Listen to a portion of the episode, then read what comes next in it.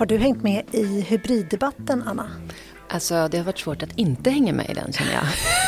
Den har ju tapetserat hela Facebook och ganska många tidningar har ju tagit upp det också. Ja, jättemånga kulturredaktioner har ju mm. skrivit om det också. Eh, det ska vi prata om idag. Eh, jag heter Rebecka Egen Aldén. Och jag heter Anna Bågstam. Och det här är Krimtidpodden. Ja! Ja, nej men jag tycker bara att det är intressant om vi också diskuterar detta en ja. aning. Eh, därför att jag tycker att hela debatten blir liksom så sned. Ja.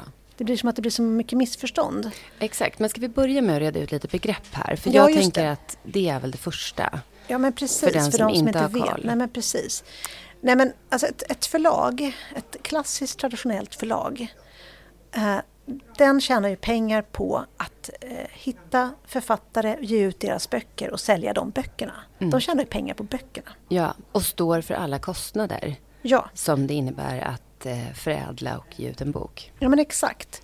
Och då får ju eh, förhoppningsvis författaren också ett litet förskott. Det kan vara stort eller litet. Ibland mm. får, så är det inte jättemycket om det är en smal bok. Ah. Men det är precis som du säger, det är alltså, författaren tar ingen risk utan det är Nej. förlaget som tar risken och satsar precis. på en, en bok. Ja, precis. Sen har vi då eh, ska vi säga, de som ger ut själva kanske först. Ja, precis. För det, det kan ju vara olika skäl att man vill göra det. Att man, ger ut en, att man, man tycker att det är jätteroligt med hela den här liksom processen bakom att göra en bok. Mm. Man kanske inte bara har skrivit en bok utan man vill själv hitta ett tryckeri, mm. man vill själv sälja in till bokhandlarna, mm. man vill själv sätta den eller liksom ta mm. hjälp att göra det. Mm. Liksom hela processen att skapa en bok. Ja, det kan ju vara så att man har skickat det till ett förlag, får tillbaka respons, förlaget tycker att man ska skriva om och man själv vill stå fast vid sin historia mm. och väljer att ge ut den själv. Så ja, kan det vara. Så kan det vara. Och sen vet jag också att det finns ganska många som tycker att det är roligt med själva den här mm. processen. Att man vill göra allting själv. Mm.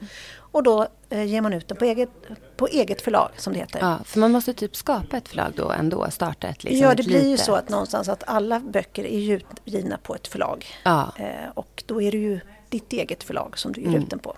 Mm. Eh, men sen finns det ju då någonting mittemellan och det är ju hybridförlagen. Ja. Och då är det eh, och där egentligen ligger ju också de här egenpubliceringstjänsterna. Så att om du mm. behöver hjälp med att få ut ja. en bok så kan du vända dig till en, till en publiceringstjänst. Alltså att någon ja, som säger Åh, om du ska ge ut en bok då kanske inte du vill göra ditt omslag själv eller sätta boken. Mm. Eller du mm. kanske vill ha hjälp att redaktöra boken. Just det, man kan köpa alla man de köper tjänsterna. de tjänsterna. Typ precis. Styckköpa dem ja, också. Precis. Och ett, på ett hybridförlag så får du ju så hjälper hybridförlaget dig med alla de här delarna. Mm. Sen finns det olika typer av hybridförlag. Det är vissa då som eh, tackar ja till stort sett alla manus som, de, som kommer in. Mm. Men då är det att man själv får betala för allting. Just det. Så eh, egentligen kan man säga att de säljer liksom ett paket ja, där det här ingår som man betalar för. Exakt. Men sen finns det vissa hybridförlag som är mera så här, de väljer ut Mm. Och sen så eh, säger de att man, att man delar på kostnaderna. Ja. Så att förlaget går in med en, en summa ja. och författaren går in med en summa. Det. Och, och det, det, är ganska svårt att veta vad som är vad där. Ja, och det är svårt att också, jag tänker att om man är, om man är ny eh, på, i branschen så är det svårt att veta vad det är för tjänster man köper och hur man ska liksom kunna, vad ska man säga, kvalitetssäkra dem eller veta att man får det man betalar för. Ja, och det som jag tycker är då det som min kritik inte att de här olika sätten finns, utan min kritik är snarare att egen, eller så här, publiceringstjänster och hybridförlag som kanske egentligen antar alla säger att åh, vi älskar ditt manus, du är antagen. Ja, just det. Nu får du betala och ibland är de här summorna också mm. rätt absurda. Eh, jag tycker så självklart att de måste ta betalt för det kostar ju att göra en bok. Det gör det ju mm. för vanliga mm. förlag också. Mm. Men eh, man måste ju någonstans när man då blir antagen, nu gör jag sådana här... Mm. Ja, det är bra podd när man gör citattecken. Ja, citattecken. då, eh, då, måste man ju räkna på, är, är det mm. här verkligen att jag har blivit antagen?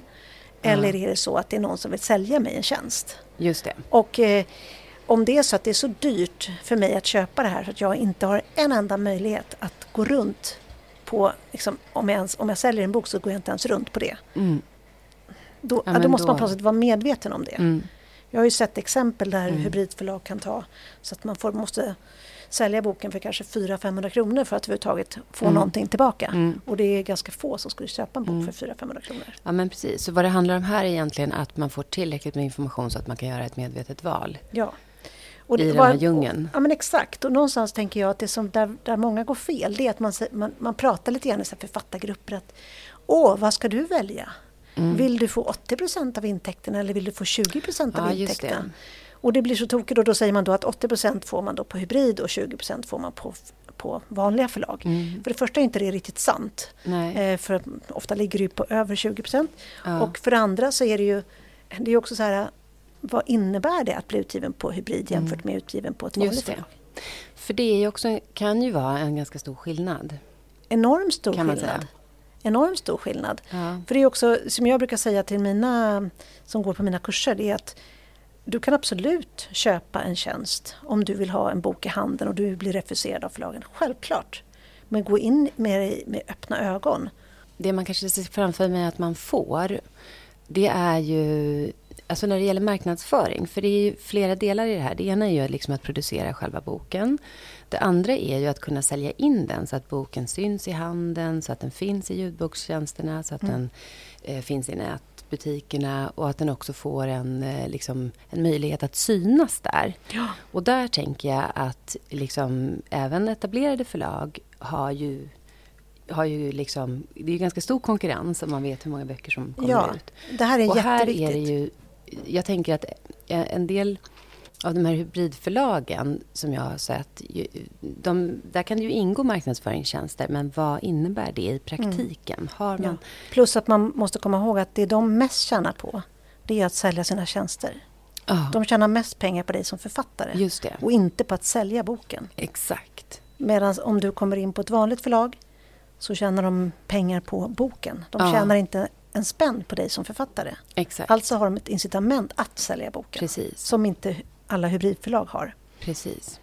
Och det är faktiskt en väldigt, väldigt viktig skillnad. En väldigt viktig Ja. skillnad.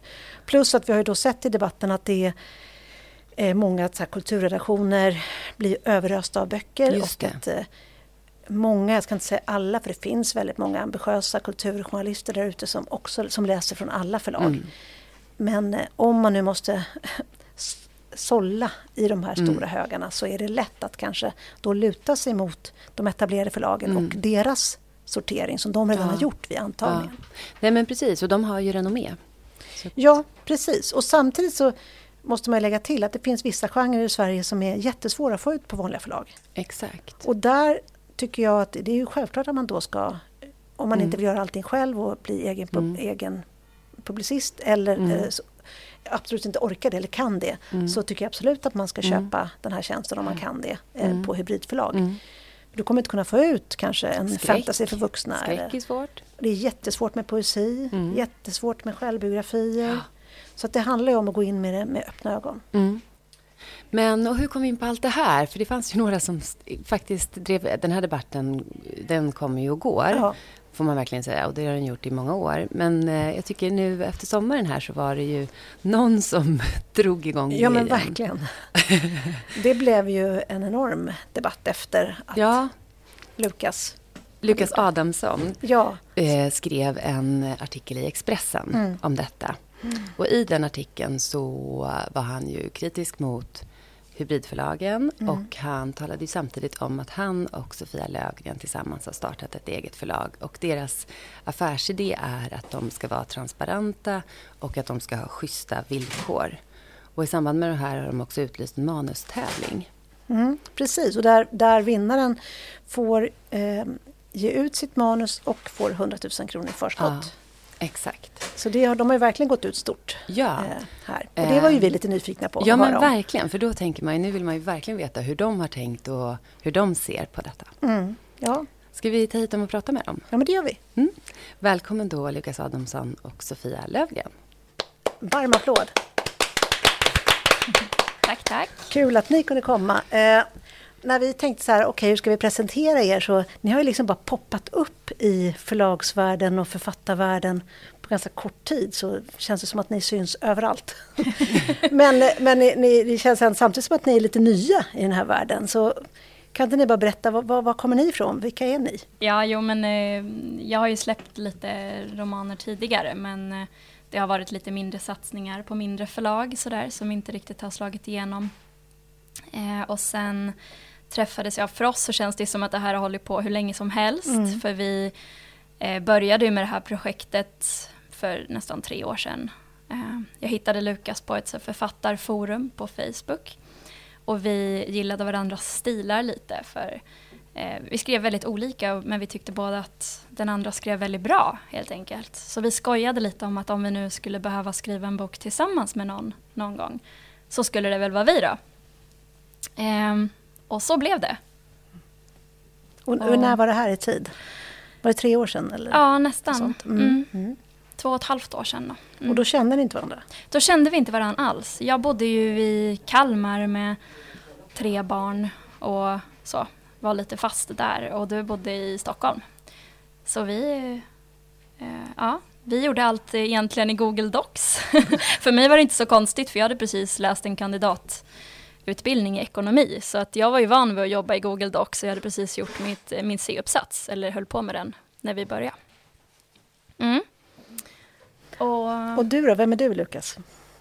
Um, jag, jag började skriva 2020 um, och då försökte jag ge ut mitt första manus. Det lyckades jag inte med. Sen gav jag ut uh, en hybridutgivning 2021. Um, och det var ungefär då jag lärde känna Sofia då. Och innan det så har jag jobbat lite blandat inom e-sport och eh, poker och sen marknadsföring. Så det var en uh, intressant blandning. uh, men i alla fall, jag känner att jag har haft nytta av allt egentligen i den här karriären. Mm, mm. Och speciellt då nu när vi börjar jobba på Handelsfall så utspelas den ju i pokervärlden. Så det var så eh, det valet gjordes. Och eftersom jag har varit där och sett de här människorna. Så ni vet när man skriver så är det ofta man ser eh, karaktärer. Man träffar på någon speciell som är extra färgstark eller någon som betyder mycket för en. Eller så. Och om man går in på en pokerklubb så är det oftast att man kan sätta sig vid ett bord och så tittar man och bara, där är en karaktär och där är en karaktär och där är en karaktär och där är en karaktär. Och de har ingen aning. Nej, precis. Och det, för det är en liten undangömd värld som inte riktigt följer andra sociala koder. Eh, och i, kanske folk är lite avvikande, jag vet inte, eh, som är där. Men dessutom är poker ett, ett sånt där spel som får en att känna, väldigt, eh, eh känna sig väldigt eh, exalterad eller väldigt ledsen och det, det är temperament och det mm. sådär. Så jag tror också det Eh, lyfter fram de här eh, egenskaperna i folk. Och det är jättebra att du kommer in på det, men kan inte du berätta då, eller kan ni berätta vad den här Handelsfall, vad är det för bok och vad handlar den om? För jag vet, vi vet ju nu, du har ju berättat att den utspelar sig i pokervärlden, men mm. vad handlar mm. den om för den, någon som aldrig har läst den här boken? Eh, men det är så här, det är ett eh, par eh, som har en relation eh, och det är lite inspirerat av mig och Sofia för att vi har ju blivit ett par nu också. Och Eh, det är en man då på utsidan av den här relationen eh, men kvinnan är, är fast. Vi kanske ska säga Joakim och Eva. Jo, precis, precis så kan vi säga. Ja. Joakim eh, har, har ett, eh, en romantisk relation med Eva men Eva är redan fast i en destruktiv relation. Och, och det är liksom grunden eh, för boken. Och sen så så händer det saker under boken och Joakim är en klubbägare på en pokerklubb så han är, har fiender där och han försöker utvidga sitt territorium och han försöker samtidigt mörka lite det här för Eva, att, att han har det här. Och, och så handlar det om hur han kan eh, förena de här två liven egentligen och om det går. Och sen så är det anledningen att boken heter Handelsfall för att då, då faller ju en kvinna då från en kontorsbyggnad och hamnar i koma och då försöker man reda ut, eh, vår polis Janna, hur det här hänger ihop mm. eh, med pokervärlden och det. Var det självklart att det skulle bli spänning? För jag tänker, du Sofia har ju varit inne i och skrivit andra genrer tidigare. Ja, och vi kan säga det, erotik har du skrivit. Mm, och sen ja. har du skrivit en feel good. Ja, och romance. Och romance också. Precis. Så nej, det var det inte. Fast det, jag vet inte egentligen, jag har aldrig läst romance och erotik och sånt heller innan. Så egentligen blev jag förvånad att jag började skriva det eh, mm. från början. Men jag tror det var för att jag levde i den här relationen och jag mådde inte bra i den. Och det var väl att jag hade massa inom mig som jag behövde typ bara leva ut. Och jag tror det var därför jag hamnade där.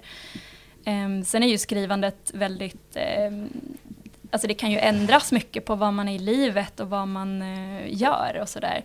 Och för mig att det blev just spänning, det var nog lite en tillfällighet för att det kom ut en tävling då när vi hade skojat lite om att skriva en bok tillsammans eh, på Saga som eh, ändå hade ganska bra pris och en jury och man kunde vinna, jag tror det var 100 000 i marknadsföring och sådär.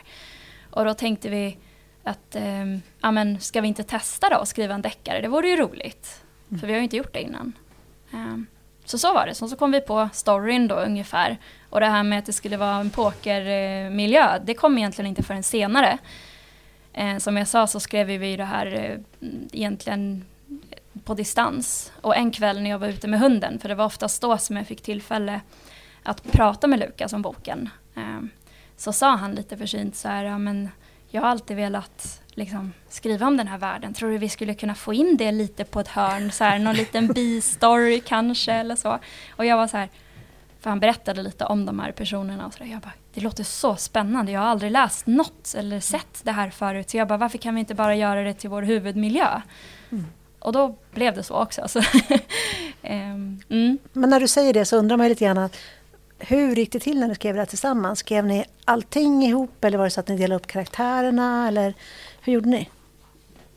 Ja, men i början så visste vi inte hur man, hur man gjorde när man skrev ihop och vi försökte kolla runt och insåg att det är ingen som har en formel för det, utan det, det, det är olika. Ehm, så, så i början var vi lite mer eh, individuella och man ville slipa mer på sin text innan man lämnade över den till den andra och allt sånt där. Men sen efter ett tag så insåg vi att okej, okay, metoden för oss blev i alla fall att skriva göra en tydlig plan eh, tillsammans. Eh, den scenen ska vara så, den scenen ska vara så och sen bara skriva ett väldigt rått eh, utkast på den och sen går man igenom det tillsammans. För man vill inte heller att det ska bli så här att eh, man ser vem som har skrivit vad. Och det blev svårare att justera texten när man hade gjort den för perfekt. Liksom. Så det var bättre mm. att bara lämna ett rått utkast till den andra och så gick man igenom och diskuterade.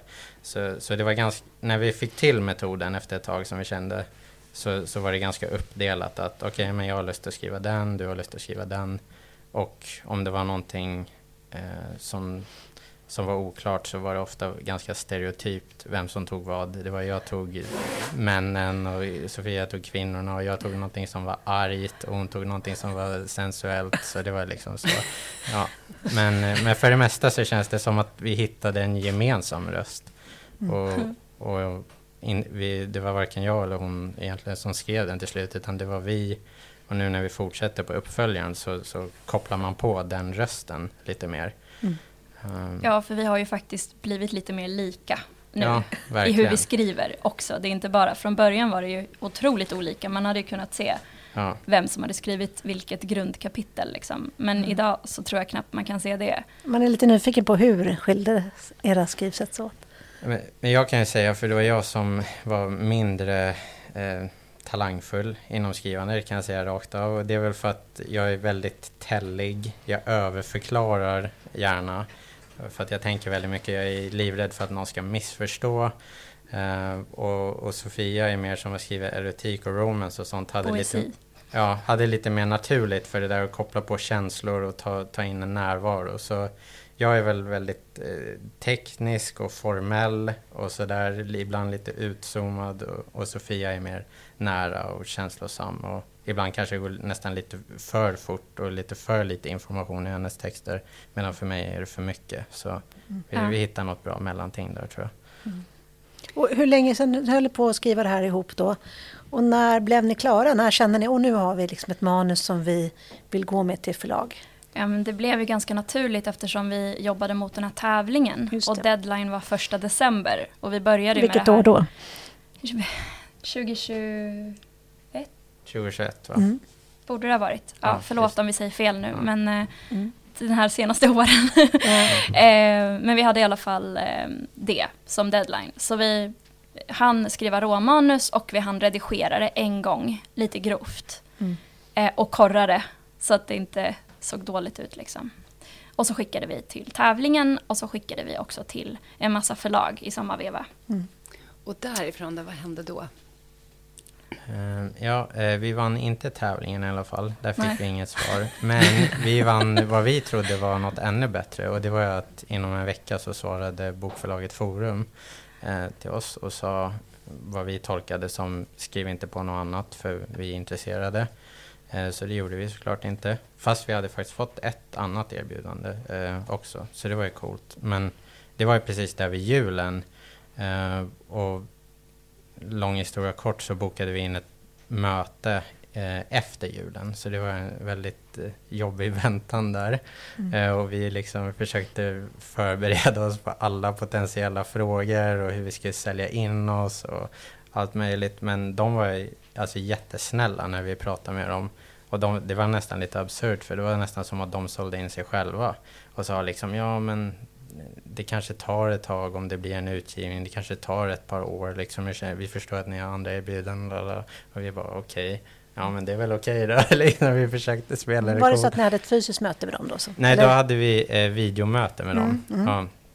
Och då, ja i princip så började de bygga upp den här visionen och vi fick stjärnor i ögonen och eh, ja, men, men de eh, hade ju ändringsförslag då som de var väldigt förstående kring och de sa ja, vi förstår att det här manuset är ganska färdigt och att andra förlag kanske vill ge ut det som det är nu men, men vi har eh, andra krav och det är på det här sättet och det är upp till er om ni vill göra det och så. Och det handlade framförallt om att fördjupa karaktärerna i boken och om att också jobba med karaktärer över en hel serie. Med karaktärsbågar. Mm. Sådär. Och, och det var faktiskt någonting som vi haft otroligt stor nytta av. Eh, för att det hade inte vi tänkt på eh, på det sättet. Utan vi tänkte väl att jo men det, det händer saker med de här karaktärerna och vi har lite uppföljare planerade. Men uppföljning planerade. Men det var, det var mer så att de tvingade oss att ställa frågor kring hur, hur kom, vad kommer hända med de här karaktärerna, vad är deras bakgrund genom böckerna och hur ser borgen ut? Och det hade vi faktiskt inte vi, vi tänkt på, vilket nog visade sig i texten. Eh, så det var mest det vi jobbade på där, att fördjupa och ja, förfina texten generellt. Men, men de var ganska nöjda med hur vi hade skrivit boken. Det var mest karaktärernas eh, djup och att de också skulle särskilja sig eh, så, mer som var viktigt för dem. Vilket, vilket vi också såg sen att de hade rätt i. För det är så här, vi fick ju lära känna våra karak- karaktärer mycket bättre när de tvingade oss att göra det här arbetet. Och då insåg vi att okej, eh, egentligen när man hade kommit 80% in i boken så var det knappt att de särskilde sig i hur de tänkte eller talade längre. Bara för att eh, när det inte fanns tydliga handlingar som styrde hur de betedde sig så gick man tillbaka till sin egen röst och sina egna tankar. Sådär. Medan nu känns det som att de är riktiga människor. Heller. Vilket är ju så det ska vara. Men eh, vi var lite naiva där, eh, helt enkelt. Men, men det blev inte forum sen. Nej, eh, det blev det då? inte. Ja, vi, vi jobbade med dem in, i över sex månader då och det var eh, säk, säkert 50-60 mejl fram och tillbaka och det var eh, kolla vad tycker ni om det och, och, överlag var de väldigt positiva och uppmuntrande. Eh, och sen i slutändan då så fick vi skicka över eh, den bearbetade texten tillsammans med synopsis för bok eh, 2 och 3 eller, eller nej, förlåt, så här var det. Vi skickade den bearbetade texten och de sa okej på den. Och vi var jätteglada för det och vi trodde att nu var det klart. Men Mm. då istället så var det okej, ni behöver också skicka en utvecklad synopsis för bok två och tre. Eh, för vi hade skickat en, en kort, kort utkast på det, men de ville ha mer detaljerat, eh, alltså flera sidor på varje. Och när vi hade gjort det så började en till väntetid och det slutade med att de sa nej till slut. Mm. Eh, och det var inte så att de sa att den inte var något bra eller så, för de hade ju i princip koll på vad det var. Men de, ja, vi, vi vet inte exakt vad som hände, men vi förstod att det var för hög konkurrens inom spänningsgenren. Eh, både generellt men också på forum. Vilket Mm. vi förstår när man tittar på vilka som är författare där. Men, Ja. ja. Men, och då tänkte ni att här var det hög konkurrens, då kastar vi oss ut i den. Ja, men om, det, om de inte vill eh, alltså, ta det, då kan ju vi konkurrera med dem, så tänkte vi. Ja. Ja. Nej, men eh, vi fick lite andra erbjudanden från andra medel, mindre förlag efter det faktiskt. För jag Mm. gick ju ut med den storyn och då dröjde det inte så länge innan det kom lite mail. Då insåg vi att alla förlagen, de är ju där ute och lurar på Instagram. Så här. Kändes lite så. Ehm, men eh, jag vet inte, vi kände väl inte att magkänslan blev riktigt rätt med någon av dem. Och helt ärligt så hade det varit en otrolig pers att vara i det här inte veta stadiet så himla länge och jobba mot något man inte visste om det skulle kunna hända. Och det var liksom inte så här, alltså antingen blir det nitlott och ingenting eller så fick man liksom eh, drömvinsten. Det var lite så det kändes, som man satt och skrapade bara. Men eh, då kände vi bara, nej, vi, vi kanske bara ska göra det själva. För den, den idén hade funnits hos oss tidigare också. Eh, Och vad, vad gör man då? Vad är det första man gör när man kommer fram till så här, nej, men nu ska jag ge ut det här själv eller nu ska jag... mm. Ja, alltså vi hade ju väldigt stora ambitioner för den här serien. För att vi, vi hade ju kunnat ta ett annat förlag och det hade ju varit eh, det lättare. Eh, men vi hade ju fått så höga förhoppningar om det här och, och även kände att det här manuset var väldigt viktigt för oss eh, karriärsmässigt. För vi vill ju båda skriva. Och ibland känner man att man har en serie eller en bok som att ja, men den här kan bli viktig för mig. Och då ville vi inte att den bara skulle bli något eh, mellanting.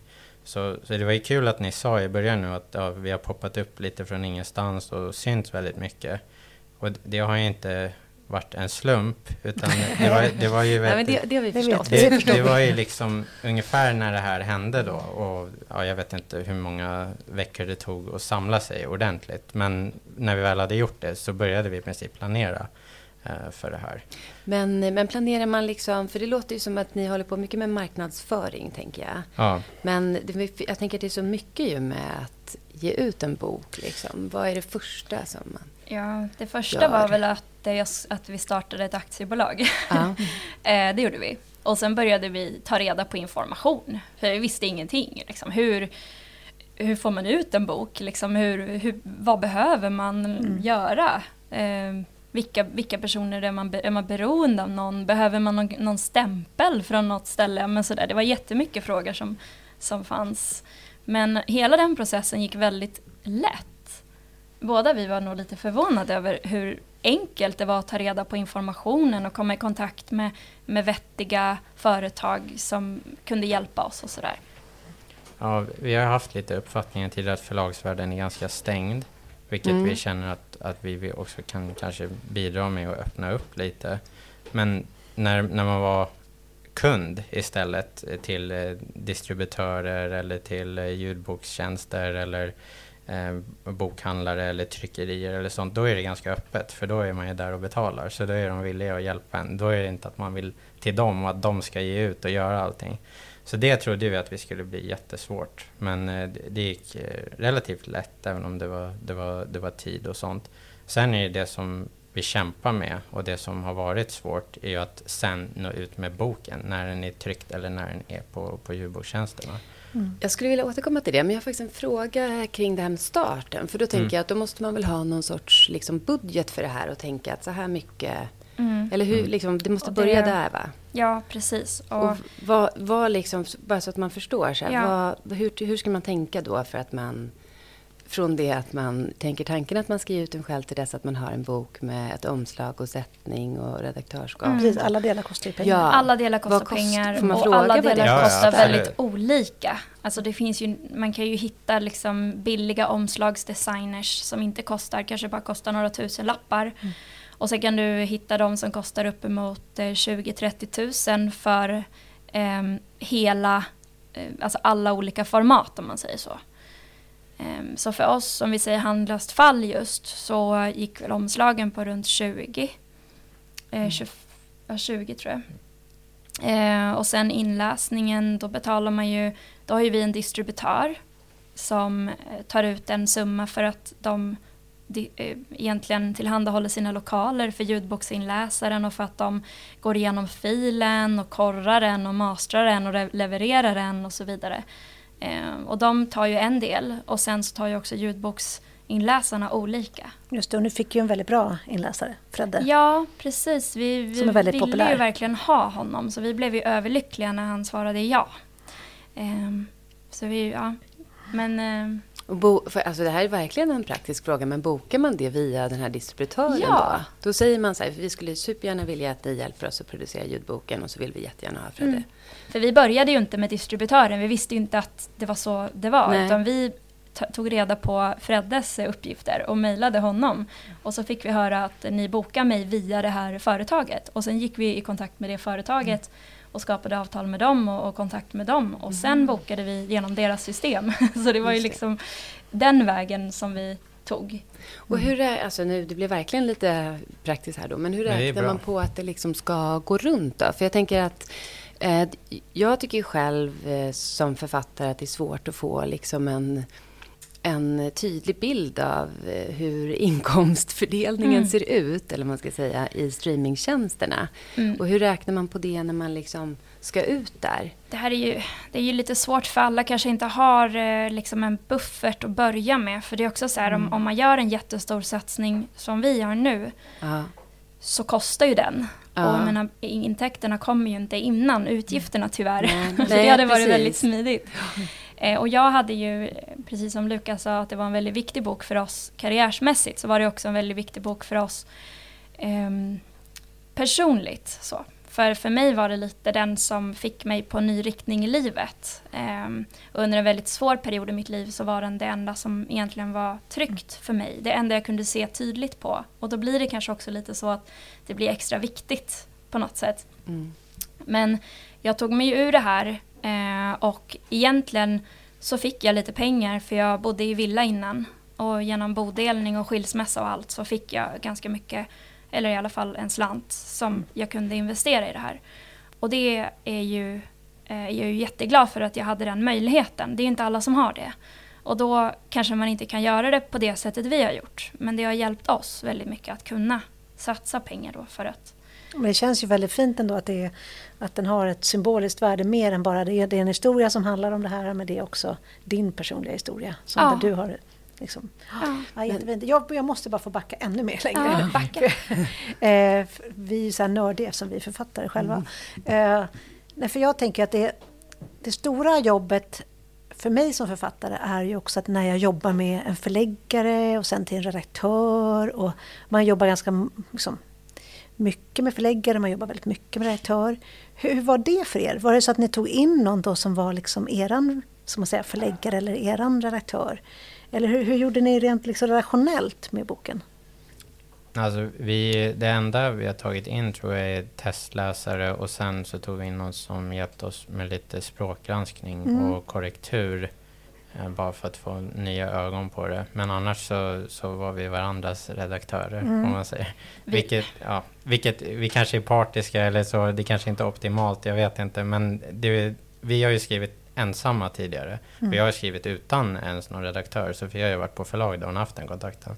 Och för mig var det ett stort steg upp och bara det kändes som jättevärdefullt att bara ha en annan person där överhuvudtaget. Mm. Så, så det räckte för, för min del i alla fall. Mm.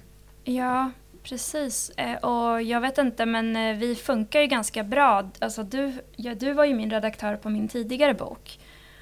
Och du är den bästa redaktör jag har haft. även fast vi... Ja, men, och, och, så jag har ju väldigt tillit till honom. Och han säger vad han tycker, så pass att vi har, vi, ah, gud vad vi har bråkat kring Ja. min bok innan den kom ut. Alltså det var riktigt jobbigt ibland för att när man har en, en alltså det blir ju också annorlunda när man är in på varandra så här. När vi plockar bort alla artighetsfraser, all liksom finlir, då är det så här, det här funkar inte, det här funkar inte, det här det är för tunt liksom. Det är något som inte lirar i den här texten, det här är fel, det här är typ så. Bara, Fast det här är också bra, bara så du vet. ja men det blir lätt så. Mm, mm. Eh, och så kände vi, vi fick ju lite feedback från forum där på några grejer. Ja. Eh, även om vi inte hade någon redaktör där så. Nej men ni fick ju nästan lite grann manusutvecklings... Ja precis, alltså- vi fick ju lite input Ja. på det stora hela. Mm. Och vi hade kommit ganska långt redan innan med texten. Eh, men sen har ju vi skrivit om den boken tre gånger sen, eh, sen ja. dess. Och om, under den tiden. Om jag får avbryta så vill jag ja. säga den resan med Forum, det är så att vi inte hade någon redaktör där. Men det tycker jag att man kan säga att vi hade lite, även om det inte var officiellt. Och det känner jag också att det kommer hjälpa oss, med, dels med våra texter men också hjälpa andra med deras texter. För vi fick en insyn där som de flesta inte får som inte är utgivna där. Och, och det har varit väldigt värdefullt hur vi ska tänka kring manus och manusutveckling också. Så, mm. ja. Jo, man lär sig ju jättemycket, det gör jag med. Men jag menar, jag har gett ut flera böcker och jag, även om jag kommer med en ny bok och jag själv jobbar som redaktör och manusutvecklare så behöver ju jag, när jag kommer med ett nytt manus så kommer jag behöva en förläggares och en redaktörs. Syn på min text. Så jag tänker så här, nu fick ni hjälp med första, men hur gör ni med andra boken då? Kommer ni ta in någon då som hjälper er att se? Det är lite an, det kommer vi kanske, men eh, det är lite annorlunda när man skriver den tillsammans, så ja. som vi gör upplever jag. För att man får lite den där feedbacken mm. från början. För eh, jag håller helt med dig. Alltså det är samma med min förra bok. Den hade inte blivit lika bra som den blev till slut. Jag gjorde jättemånga ändringar tack vare Lukas. Men här är det som att man kan ge den feedbacken hela tiden. Eh, även om man givetvis säkert blir lite blind i det totala perspektivet också för sin text. Eh, så har vi ändå, det beror väl lite på hur snabbt processen ska gå också kan jag tänka mig. För vårt tidigare manus fick ju vila lite och så kunde man se på det med nya ögon igen. Eh, men vi har, vi har nog inte riktigt kommit dit i, i tanken inför hur det kommer bli med det här manuset. Mm. Hur långt har ni kommit på det? Det, det, känns som att jag kommer mycket längre än vi har i vårt dokument eftersom vi vi har planerat det så utförligt och vi har diskuterat så mycket. Jag tror i praktiken har vi nog kommit kanske 20 procent in i det. Men det känns som att så fort vi började skriva det så satt tonen relativt bra och storyn sitter liksom jättetydligt, alltså med den här utvecklade synopsis och allting. Så det känns som att den kommer ta liksom sex månader att skriva och några månader att redigera, hoppas jag. Ja, men det är så det känns i alla fall. Det, kän, det känns inte som att eh, Eh, det känns som att vi är ganska långt in i det ändå. Mm. Och när ska den komma ut? Eh, det är planerat till 1 eh, september 2024. Mm. Men, men ni kommer ju göra lite annat här under tiden också. Jag tänkte vi måste prata lite om det också. För vi har ju också sett att ni har haft en manustävling. Yes. Eh, och ni kommer ge ut vinnaren i den tävlingen, eller hur? Yes. Och då tänker jag, hur ska ni jobba med, med den författaren? Uh, ja, det var lite därför också som vi, vi har ju alltid velat ge ut andra författare, men vi kände dels att vi behövde göra det med våra egna manus först för att lära oss processen och ens kunna göra något av värde uh, för andra. Uh, men dessutom vill vi också bevisa att vi kan skriva och att vi kan ge ut en bok eh, som inte dör direkt. liksom. nej men helt ärligt, för att man, det är ett nytt förlag som ni sa, vi, vi kom från ingenstans och då jag hade varit skeptisk. Liksom. Men, men när, när vi, vi hoppas att ha etablerat lite kontakter, ha etablerat lite arbetssätt och lite erfarenhet. Och det jag tror att vi gör bra um, är digital marknadsföring och connecta med läsare och kollegor. Och det vill vi ju uh, vidare, eller föra vidare till den här författaren som vi då talar. Och sen vi började ju skriva på Handelsfall eh, till en deckartävling som vi sa. Och vi hade en liten beef med tävlingar, att vi kände att vinnarna där inte lyftes fram så mycket som vi tyckte att de kanske förtjänade. Mm. Så vi känner ju att eh, vi ska lyfta den här vinnaren både som manus men också som en vinnare i en tävling och använda det till allas fördel. Mm. Och, och, även lyfta fram de som placerar högt i tävlingen överlag. För det tycker vi också brukar saknas. För det, det är om det eh, ja, hittills har vi fått kanske 150 bidrag i den tävlingen och den pågår ju i ett halvår.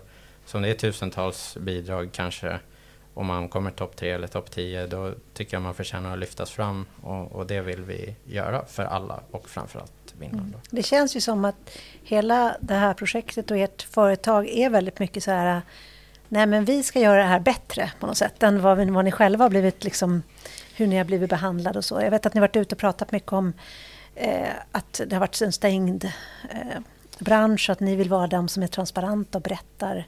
Alltså, är det så mycket? Lite revansch? Lite... Ja, precis. Och sen, för, sen försöker vi väl vända det nu till att lyfta fram det positiva och inte bara pe- påpeka det negativa. Mm. För vi har fått lite den stämpeln av det väl eh, på grund av oss själva, liksom att ja, vi ger igen på branschen. Och det är väl lite det vi gör också. Men framförallt, vi, vi älskar att skriva, vi älskar att läsa. Mm. Vi älskar många kollegor och branschen och vi, vill, vi tycker att den ska vara öppen och vi tycker mm. att det är det som gäller eh, 2023, att folk vill ha mer öppenhet och personlighet. Om man tittar på hur andra branscher funkar så blir det mer och mer personer och det blir mer och mer att om man går in i butiken så ska det stå varifrån allt kommer och vilka ingredienser mm. och är det gjort etiskt och vilka ligger bakom. Och det är inte så en stängd dörr till företagen, det funkar inte riktigt längre och vi känner att ja, bokbranschen kan, kan hänga med lite där. Vi kan ju inte låta bli att komma in då på, för ni fick ju, du fick ju ett enormt genomslag när du ja. skrev en debattartikel. Ja, precis. I, var det Expressen? Ja, ja eh, precis. Ja, om hybridförlagen. Mm. Och eh, det var, väl, var ju väldigt många författare framförallt som eh, applåderade, även förlag, mm. som applåderade det, att, att, att du satte ljus på en del utav hybridförlagen som faktiskt är ganska eh, dolda i sina avsikter eh, och inte, så, inte är så transparenta som du efterlyser. Ja, exakt. Och det, det är det som är poängen där, att det är inte ens ett, ett dåligt koncept. Vi övervägde själva att, att starta en, ett liksom hybridförlag istället mm. för ett traditionellt förlag. Men, men det är just den transparent, transparensen som, som har saknats där och det är synd för att eh, det behöver inte vara så. Det är ett, det är ett koncept som skulle funka ändå. Det är ett koncept som skulle vara lönsamt ändå.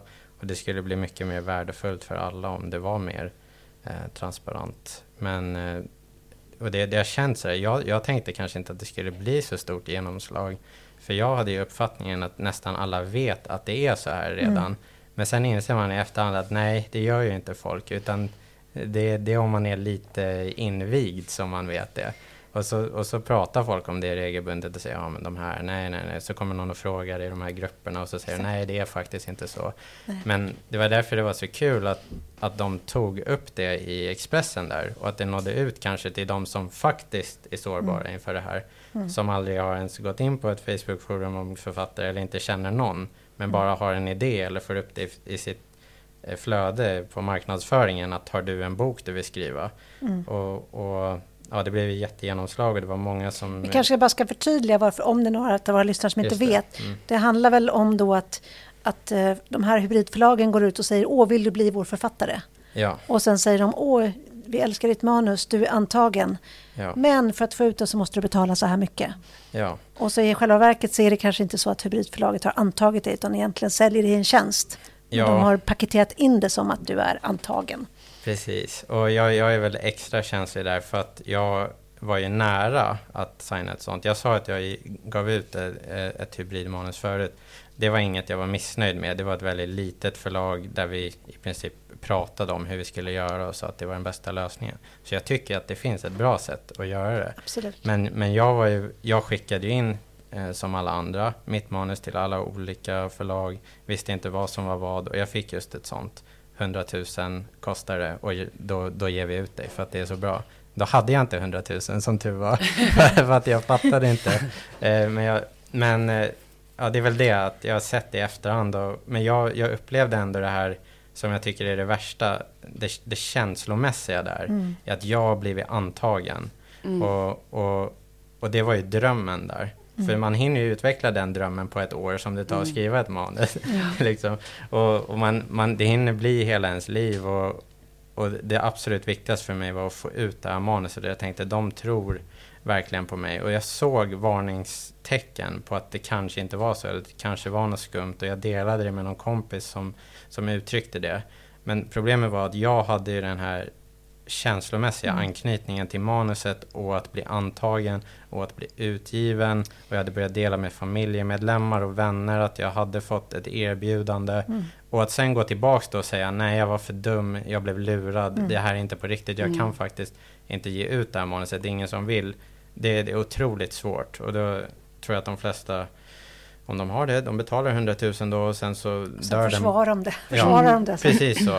Och, Jag tycker det är så bra att du säger det här nu. Ja. Mm. För det är också, man måste ju förstå att om man betalar 100 000 för att ge ut kanske, vad kan det vara, 200-300 ex. ja, Då måste man sälja varje bok för väldigt, väldigt mycket. Mycket, mycket mer än vad en vanlig bok i en bokhandel Ja, kostar för att överhuvudtaget gå Mm. plus. Mm. Och sen kostar det ju pengar att skriva också. Så att det är Ja. ju inte Mm. liksom...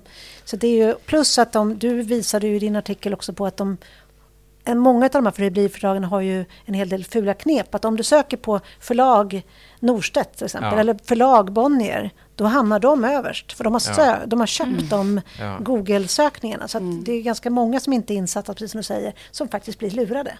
Och du gjorde väl också ett test och skickade Ja, ut? den är så bra. Det måste du Kan du berätta. inte berätta om det också? Ja, det var kul för jag skickade den här eh, artikeln till Expressen. Och igen gjorde jag misstaget att jag tänkte att ja, men folk vet att de här är bedrägliga. Mm. Eller i alla fall de flesta vet det, eller många vet det. Och, och det jag, tog, jag tog inte ens med det här testet som ni pratade om i första artikeln.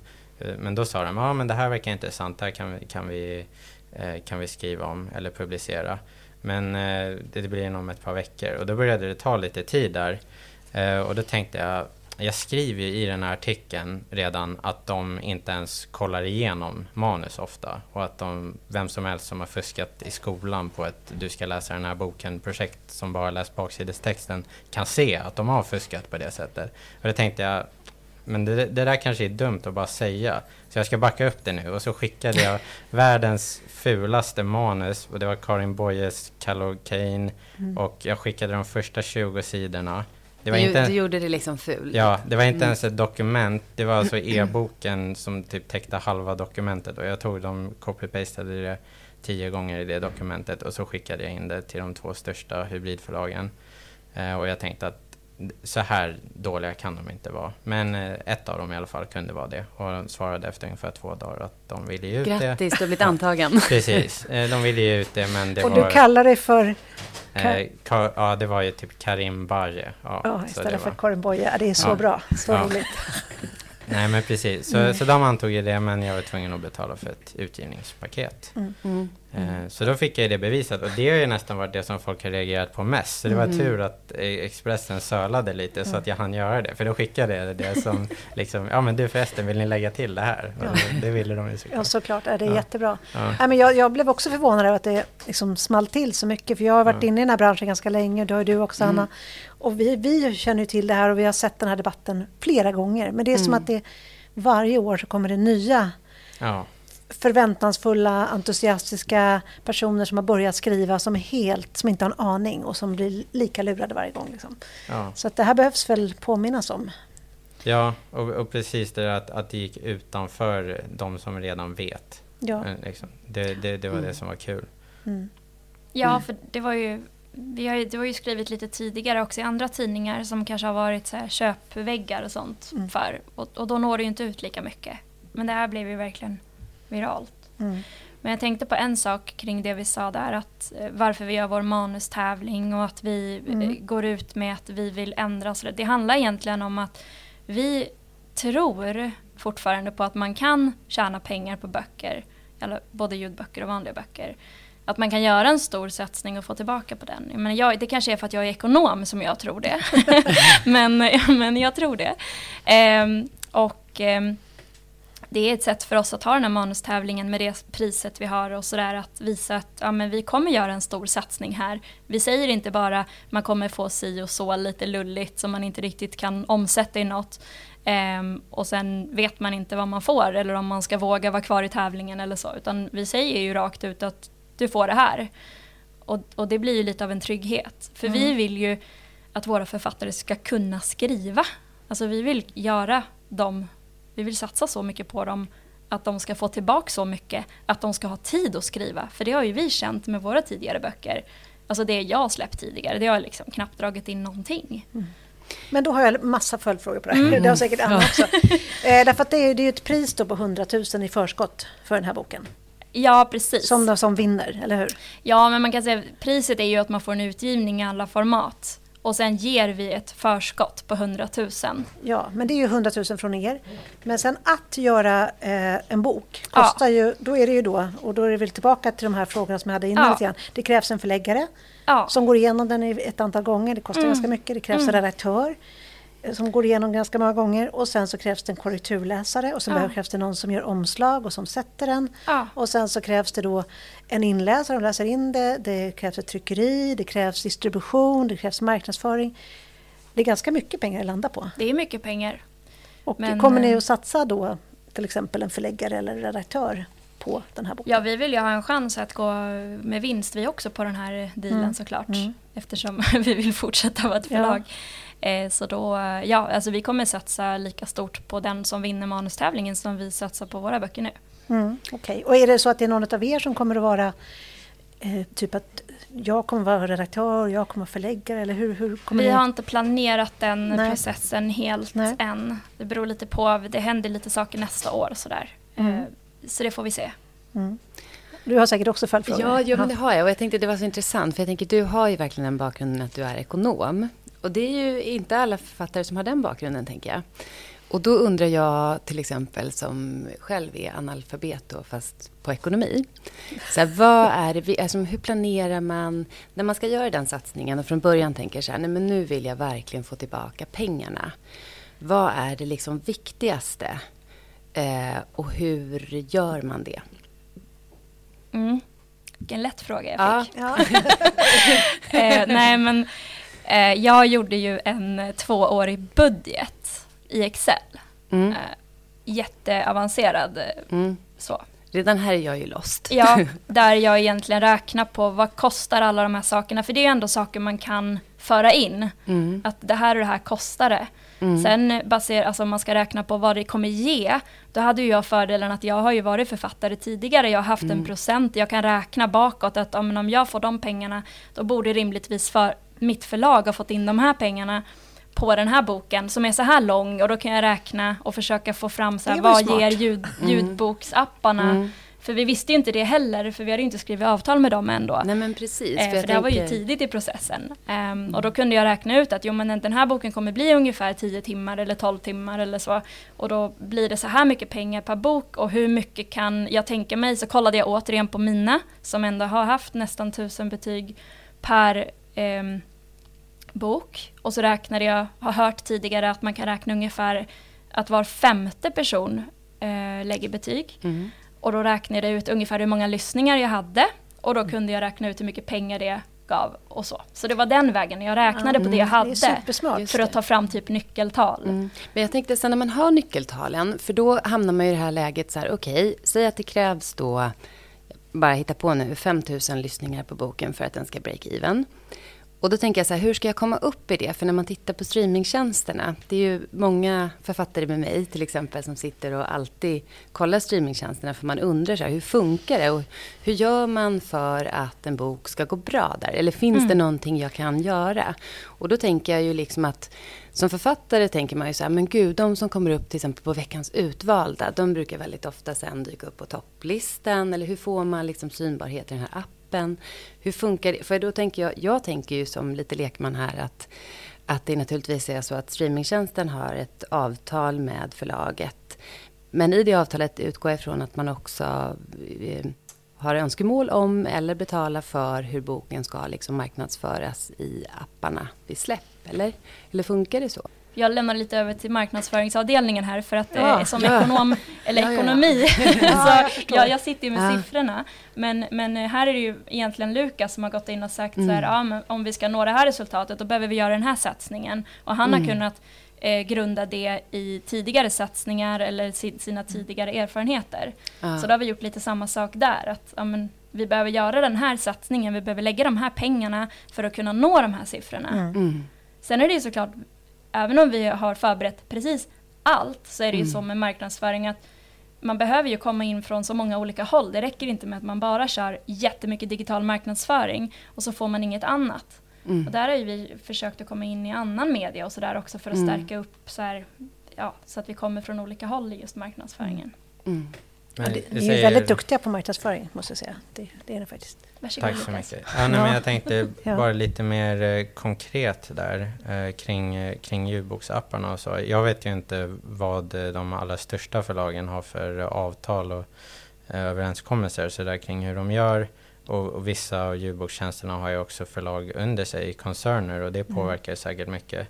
Men, men jag är den av oss som har kontakt med de här ljudbokstjänsterna och jag kan bara säga att som vi har märkt i alla olika fall i den här branschen eh, för vi, vi, har inte haft de här ingångarna, vi har inte haft erfarenheten, men så finns det människor man kan nå fram till och människor man kan prata med och man kan be om att kan du göra det här. Till exempel så var ju vi på veckans utvalda som du nämnde Anna mm. och det var ju för att det är en trevlig kvinna på Storytel som jag har byggt en slags kontakt med i över sex månader och jag har varit jättejobbig, jättetjatig och ibland har jag varit lite trevlig också. Och i sluten, kommer inspirera nu ja, jättemånga till att äh, göra det. Ja, stackars henne. Nu kommer hon hata dig. Ja, nej, men jag, och, och det är samma sak på alla ljudbokstjänster mm. är trötta på mig. Mm. Men, men i alla fall så funkar det på det sättet. Så du ringer och tjatar på dem helt enkelt? Jag ringer och mejlar och jag försöker ja. att inte bara tjata. Jag försöker också presentera Eh, det vi gör. För jag kan ju mm. säga att det är många egenutgivare som upplever att om de försöker ta kontakt med både bokhandlare och ljudbokstjänster att de säger ah, nej men tyvärr, vi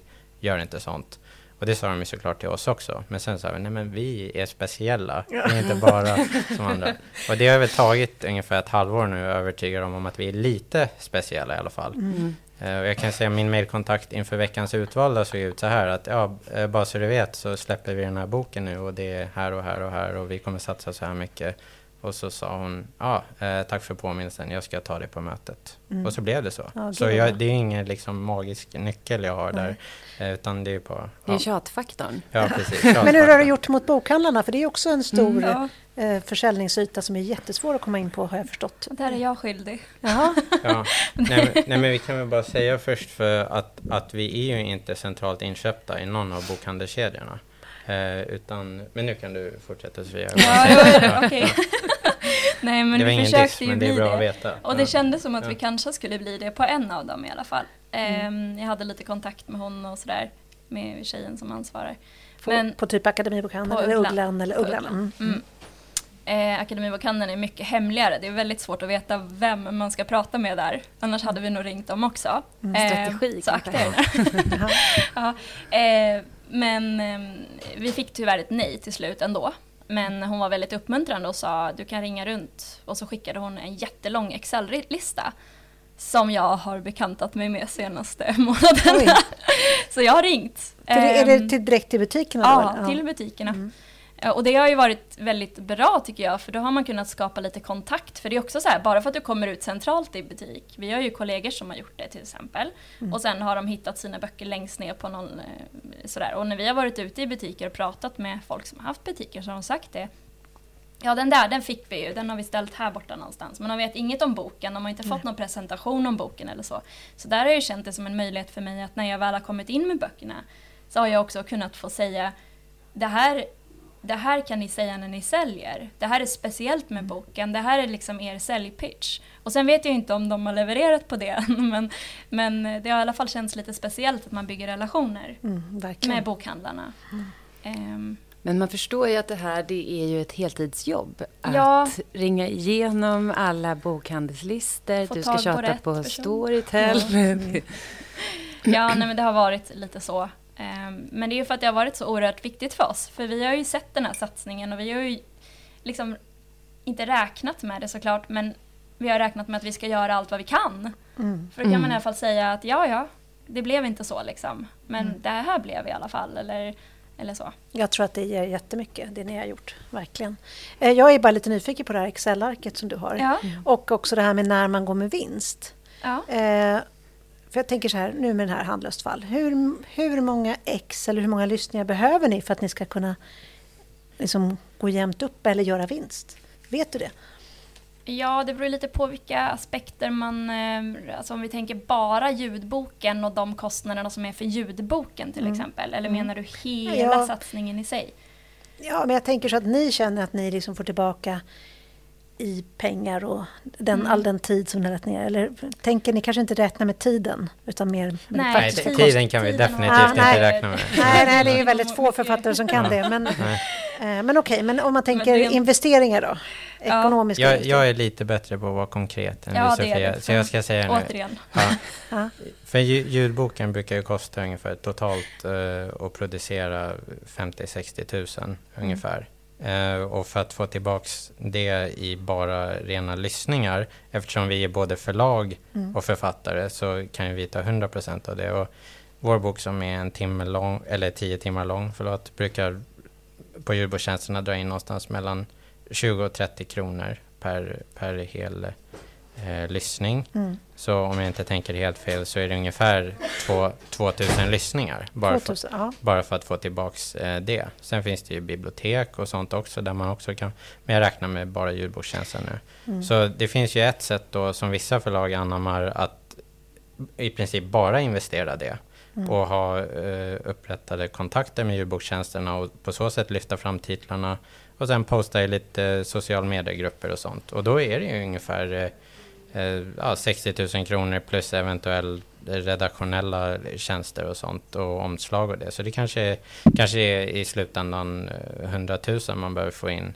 Mm. Vilket blir väl då ja, 4 000 lyssningar. Och om man är författare och inte riktigt vet eh, vad det innebär då brukar det betyda någonstans mellan 5 och 800 betyg. Mm. Så på men jättebra konkret. Ja. Hur viktigt var det för er att det blev också en tryckt bok då? Eftersom det nu var så svårt med bokhandlarna och sådär.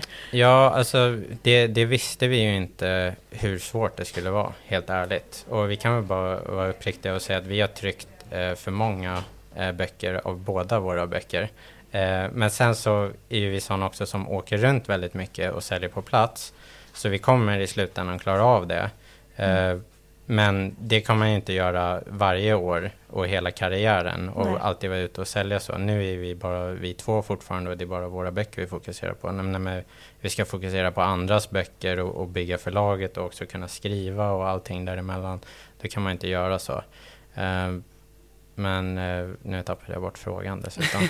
ja, men var, jag tänkte hur viktigt det var med tryckt bok. Just det. Att Nej, men det, det kanske var att ni inte visste då egentligen vad... Nej, men det, det är fortfarande jätteviktigt tycker vi. Vi, vi, vi älskar ju eh, känslan av det och vi tycker att det är en slags legitimitet mm. och det är många som föredrar eh, att läsa och vi kommer nog försöka att alltid trycka våra böcker också. Men eh, vi, eh, vi, vi lär oss ju att om man inte kommer ut centralt i bokhandlar, för det har också hänt att vi ställde in vår, vår fysiska marknadsföring. Vi hade ju lite så här eh, billboards och till och med lite bussar och sånt som var planerade. Oj, oj. Och då tänkte vi ju att ja, men det, det går mer hand i hand med fysisk försäljning. Mm. Och då även är det, vart riktar man sin digitala marknadsföring? Riktar man den till Adlibris eller till Akademibokhandeln eller är det mer att det kan gå var som helst?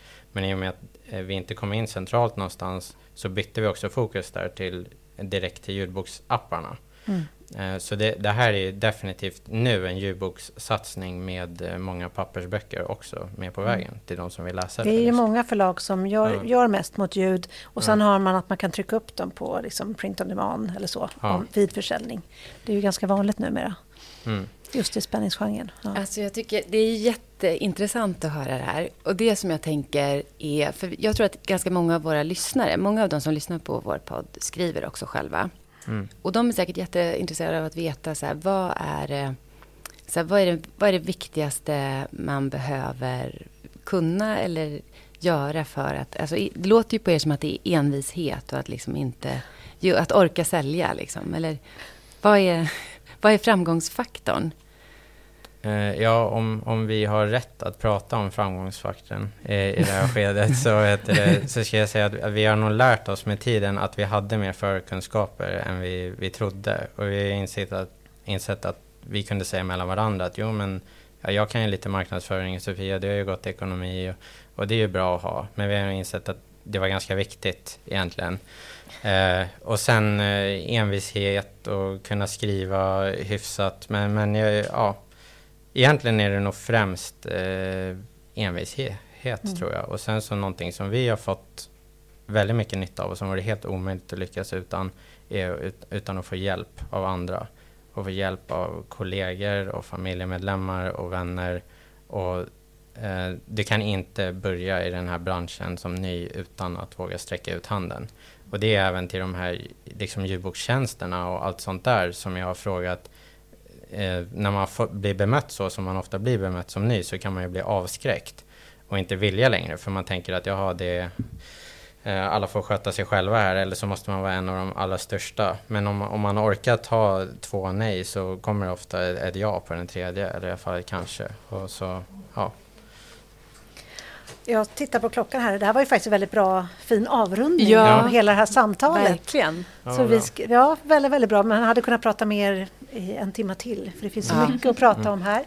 Men eh, det kanske är dags för oss att säga tack. Ja, stort tack för att ni kom till oss. Ja, Ja. tack snälla ni. Tack så mycket.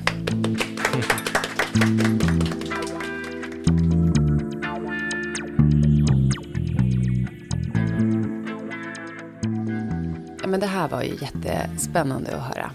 Eh, Eller ja, eller hur? Ja, och eh, jag tänker vi har ju massa mer spännande som kommer under hösten. Eh, och det man kan göra då om man undrar vad det är, det är att gå in och följa oss på Instagram, Krimtidpodden. Och där kommer vi lägga ut höstens program eh, och vilka tider och gäster som gäller. Ja, när man kan komma och lyssna live eller när man kan Exakt. lyssna på poddprogrammet. Precis så. Så följ oss där. Hej då! Hej då!